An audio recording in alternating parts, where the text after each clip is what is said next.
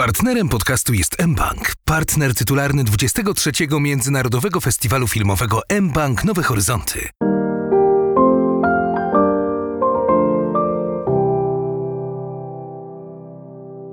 Przy mikrofonie Tomasz Kopka i Piotr Kubica. I witamy wszystkich serdecznie w drugim odcinku naszego podcastu Po Horyzont e, Filmowy. Podcaście, który powstaje w ramach Międzynarodowego Festiwalu Filmowego M-Bank Nowe Horyzonty. E, I o Nowych Horyzontach oczywiście jeszcze będziemy mówić za chwilę, ale najpierw przywitajmy naszą rozmówczynię, bo jest z nami dziś pani doktor Elżbieta Olzacka z Katedry Porównawczych Studiów Cywilizacji Uniwersytetu Jagiellońskiego. Dzień dobry, pani doktor. Dzień dobry. No i tak jak wspomniałem, podcast powstaje w ramach Międzynarodowego Festiwalu Filmowego M-Bank Nowe Horyzonty. Co tydzień, e, szanowni państwo, bo w każdy czwartek przez najbliższe pięć tygodni będziemy prezentować e, kolejne odsłony tego bogatego programu festiwalu.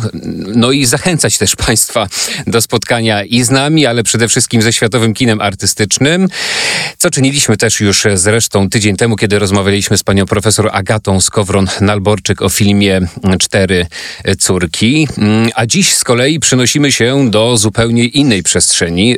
Myślę, że mogę powiedzieć, no, że kulturowo i na poziomie emocjonalnym znacznie nam bliższej albo bliskiej w ogóle, bo będziemy mówić o ukraińskim filmie La Palisiada Filipa Sotnyczenko i jest to film e, z 2023 roku, który jest debiutem tego reżysera i który już został wyróżniony na festiwalu w Rotterdamie. No i opowiada nam historię przyjaciół, detektywa policyjnego i psychiatry sądowego, którzy poszukują mordercy pewnego pułkownika. Akcja ma miejsce w latach 90. i przyglądamy się Ukrainie i ukraińskiemu społeczeństwu z perspektywy e, 96 roku. I od razu zdradzę, że jest to opis no, bardzo enigmatyczny, ale jeszcze do tego pewnie wrócimy. Jak się pani doktor i tobie, Piotrze, ten film oglądało? Mnie ten film zaskoczył. Ja sama jeszcze nie wiem, co do końca o nim myślę. E, po pierwsze jest to debiut Filipa Sotniczenko, więc to oczywiste, że nie wiedziałam, czego się mogę spodziewać po tym reżyserze. Przyznaję, że w ogóle tego nazwiska wcześniej, wcześniej nie słyszałam. E, po drugie, ja może niezbyt dokładnie wczytałam się w opis filmu przed seansem i ja się spodziewałam czegoś w stylu nosorożca Olega Sencowa, czyli kry, dynamiczny kryminał o szalonych i bandyckich latach 90. tej ponurej rzeczywistości postsowieckiej Ukrainy. A tutaj mamy film no, zupełnie inny. Mamy film statyczny, mamy film powolny. Y, bohaterowie jest troszeczkę niewyraźni, prawda? Właściwie nic się nie dzieje. Y, my ten film jakby oglądamy z perspektywy dziecka, które, które próbuje zrozumieć czasy, w których dorastało. No i szybko do mnie dotarło, że to raczej jest taka wiwisekcja lat 90. w stylu kiry moratowej, a nie dynamiczne kino akcji, y, więc przede wszystkim ja się zaskoczyłam tym filmem. U mnie podobnie. E, forma mnie też e, zaskoczyła, zwłaszcza w drugiej części filmu, bo jeżeli prolog jest jeszcze taki może bardziej przystępny formalnie, no to potem e, reszta filmu jest już utrzymana w stylu takich kronik policyjnych, nagranych na VHS, to znaczy takich archiwalnych nagrań policyjnych. To, to wszystko ma taki bardzo chropowaty, dokumentalny klimat i ta forma jest e, bardzo radykalna. Ten film wymaga uwagi od widza, żeby w ogóle dało się złapać wątek i zrozumieć relacje między postaciami. No i też e, zaskoczyło mnie, że taki film wychodzi teraz, e, kiedy Ukraina, filmowcy ukraińscy raczej opowiadają o wojnie, sprzeciwie w stosunku do Rosji i jej polityki imperialnej, tego co się teraz dzieje. No tutaj dostajemy taki film który opowiada o, o, o Ukrainie, która odzyskała niepodległość, ale jeszcze tak jakby nie stała na własnych nogach. I to jest taka bardzo mam wrażenie, beznadziejna, ponura wizja tego kraju. Ja też wpisuję się w to zaskoczenie, o których ty, Piotr i pani doktor tutaj mówicie, bo rzeczywiście jest to film trudny w odbiorze i to właśnie ze względu na tę specyficzną konstrukcję, prawda? Taką chaotyczną, mozaikową i, i, i, taką, która trochę przypomina jakąś układankę z puzli, które no nie do końca do siebie pasują. E, pozornie w każdym razie.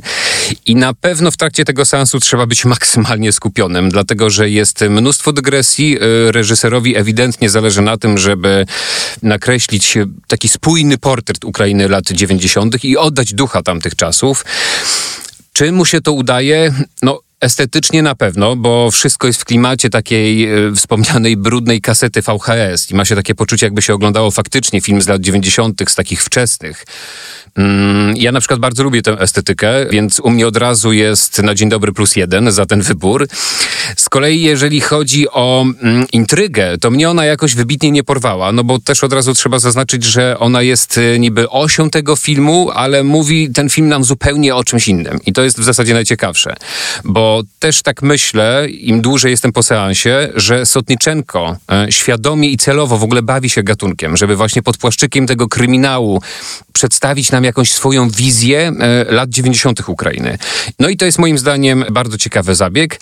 Natomiast ten momentami chaotyczny sposób prowadzenia narracji może być dla wielu dyskusyjny. Tak, Tomek, no też od razu po obejrzeniu tego filmu wiedzieliśmy, że będziemy, że rozmowa będzie bardziej o Ukrainie niż o kinie, Tak, prawda? tak, tak. No i teraz pytanie, co ten film mówi o, o Ukrainie, o tym kraju? Bo to, ja go rozumiem jako, jako takie oskarżenie, no może nie oskarżenie, ale jako bardzo krytyczne spojrzenie na to, jak wyglądała Ukraina w latach 90., że to był kraj, który był bardzo mocno zniszczony em, tym rosyjskim imperializmem, kolonializmem i no, on jest przesiąknięty korupcją, przemocą.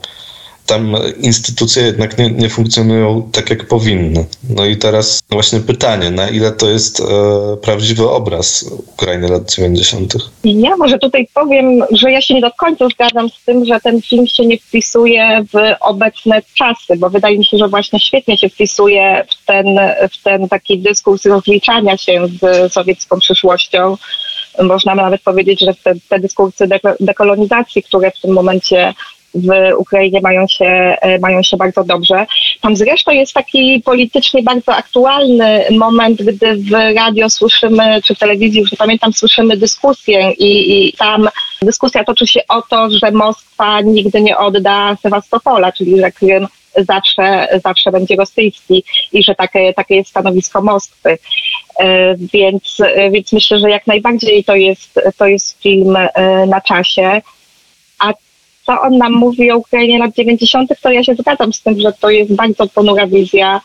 Mi się też bardzo podoba, tak jak pan redaktor tutaj, powiedział, ta estetyka odtworzona w bardzo drobnych detalach, w ubraniach, w meblach, prawda, w dekoracjach na ścianie.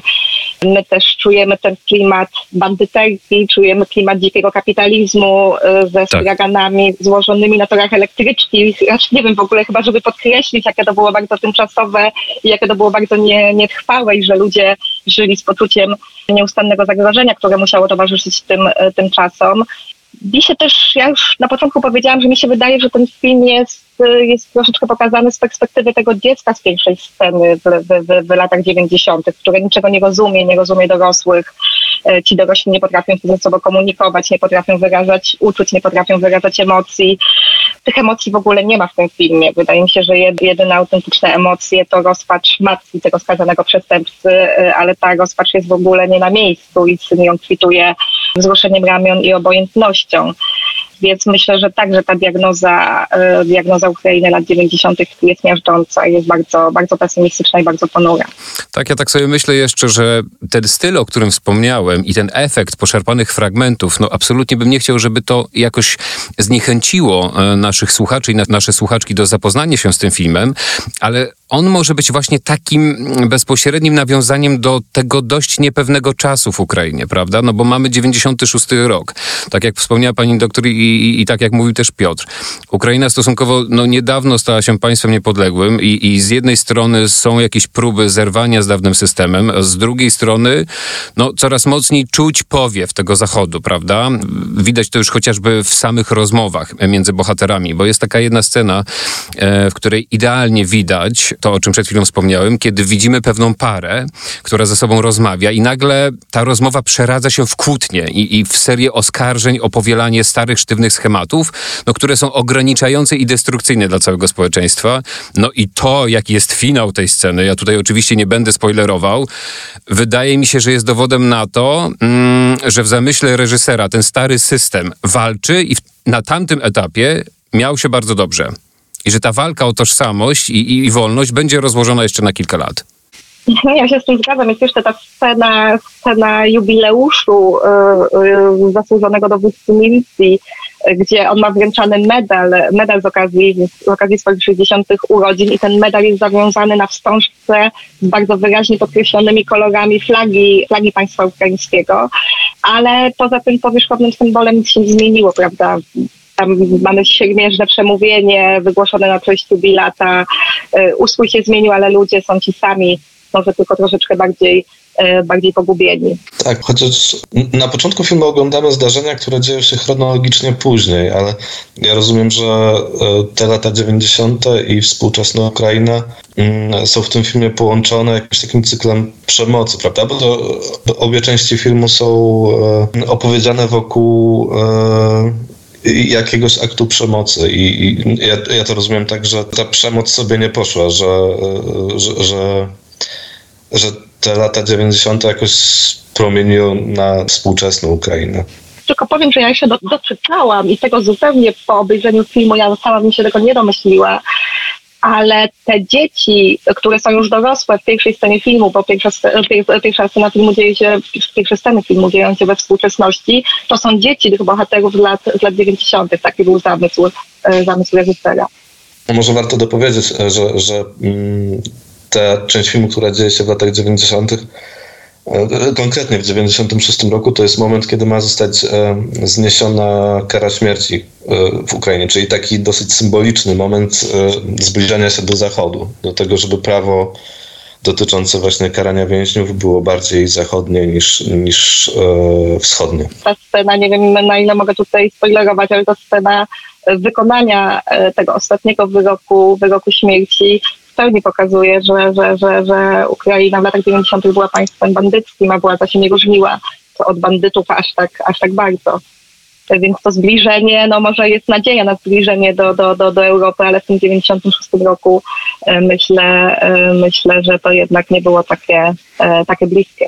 Ja rozumiem ten film trochę tak, że Ukraina jest krajem, który nie zdążył się odrodzić, no nie, nie zdążył się podnieść już po odzyskaniu niepodległości, że jakby tego czasu było za mało i, i, i teraz przyszła kolejna katastrofa. Pani doktor, bo pani jest autorką takiego tekstu Rewolucja w kinie ukraińskim, e, który ukazał się w dwutygodniku i tak sobie myślę, że ułatwi on nam dyskusję o filmie La Palisiada w kontekście kondycji ukraińskiego kina, o którym mówiliśmy na początku i próbie odpowiedzenia na pytanie, jakie filmy powstają w kinie ukraińskim aktualnie. E, I pisze pani o rewolucji w kinie ukraińskim i z czym ta rewolucja się wiąże, kiedy ona się zaczęła? Myślę, że słowo rewolucja jest, jest bardzo dobrym słowem, bo to, co się dzieje w ukraińskim kinie od, od 2014 roku, to jest skok, to jest po prostu całkowity przełom. Z jednej strony mamy ten wybuch twórczego entuzjazmu. Yy, okazało się, że w Ukrainie są filmowcy, którzy chcą kręcić w języku ukraińskim i okazało się, że, że, że są widzowie, którzy chcą oglądać to ukraińskie kino. Yy, nagle też z dnia na dzień właściwie okazało się, że państwo, które wcześniej przez ponad 20 lat nie miało pieniędzy, może wspierać efektywnie ukraiński przemysł filmowy. E, I tutaj liczby są absolutnie niesamowite. E, państwowe finansowanie w ciągu pięciu lat wzrosło o chyba 700% z 60 milionów hrywien do pół miliarda hrywien. W ostatnim roku, gdyby, gdyby niepełnoskalowa rosyjska inwazja, to to finansowane było, finansowanie było zaplanowane na półtora miliarda hrywien. E, i w rezultacie w ciągu tych lat po rewolucji godności, bo to rewolucja godności była tym, tym, tym katalizatorem zmian, przemysł, ukraiński przemysł filmowy rozwija się świetnie. Powstaje co roku, e, co roku kilkadziesiąt nowych filmów, czy, czy powstawało przed e, lutym 2022 roku. Wcześniej tych filmów e, co roku w Ukrainie powstawały dwa, trzy. Były także lata, że, że, że nie powstawało ich, że nie powstawało ich wcale. Dodatkowo rewolucyjne było to, że w końcu wprowadzono transparentne zasady finansowania filmów z budżetu państwa. E, do tej pory to był taki świat bardzo mocno skorumpowany, e, świat oparty na towarzyskich układach, a tutaj nagle pojawiły się nowe demokratyczne reguły, wprowadzono otwarte, otwarte dla publiczności spotkania, w czasie których komisja e, ocenia filmy i tak, to była rewolucja.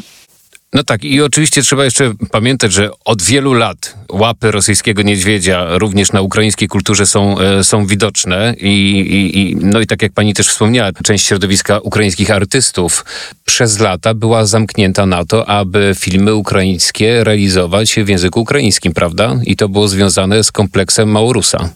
To było związane z tym kompleksem, to była niewiara gigantyczna. Może też wyjaśnijmy, niewiara. czym on w ogóle jest. Tak, to jest taki postkolonialny syndrom. Mikołaj Jabczuk w taki sposób o tym, e, w taki sposób o tym pisał. E, To jest takie przekonanie, że kultura ukraińska jest to kulturą gorszą od kultury rosyjskiej, że ta kultura jest kulturą wiejską, lokalną, jest czymś takim obciachowym. e, Taką peryferyjną. Tak, dokładnie tak. Za to jeśli chcemy tworzyć kulturę wysoką, jeśli chcemy tworzyć prawdziwy film, jeśli chcemy pisać prawdziwe książki, no to musimy to robić w języku, w języku rosyjskim. Tutaj no to trzeba by się cofnąć, prawda, aż do, aż do, aż do czasów Imperium Rosyjskiego, skąd, skąd ten kompleks, skąd ten kompleks pochodzi, bo on się kształtował, nie, nie zaczął się kształtować w Związku Radzieckim, ale, ale Związek Radziecki go w, jak, w jakiś tam sposób odziedziczył. I tak, to, było, to był bardzo ważny moment w 2014 roku, kiedy to właśnie mówienie o potrzebie dekolonizacji wypłynęło na szersze wody, czyli to nie, nie, nie był już tylko e, taki problem dyskutowany wśród ukraińskich intelektualistów, literaturoznawców, ale zaczął być to problem niesiony na transparentach na ulicach. Więc myślę, że to było ważne. Na przykład to, co ja jeszcze chciałabym powiedzieć, y, jeśli chodzi o, y, o to kino w języku, y, w języku rosyjskim. W 2012 roku, gdy wprowadzono obowiązek wyświetlania zagranicznych filmów w ukraińskiej wersji językowej, największe sieci kinowe i najwięksi dystrybutorzy ukraińscy zaprotestowali, bo powiedzieli, że nie ma szans, żeby publiczność, zwłaszcza w centralnej i wschodniej Ukrainie, chodziła do kina na filmy w języku ukraińskim nikt nie będzie tego rozumiał, nikt nie będzie tego chciał, nikt nie będzie chciał tego oglądać. E, No dzisiejsza rzeczywistość pokazała, że wcale tak nie jest e, i że to kino w języku ukraińskim może cieszyć się zainteresowaniem e, ukraińskiego widza. A druga sprawa to były względy praktyczne. Dystrybucja w Rosji i na obszarze Związku Radzieckiego była czymś bardzo ważnym dla ukraińskiego przemysłu filmowego. A jeśli film był kręcony w, w ścieżce rosyjskiej, to nie, nie trzeba było dodatkowych kosztów, żeby stworzyć tę rosyjską wersję językową.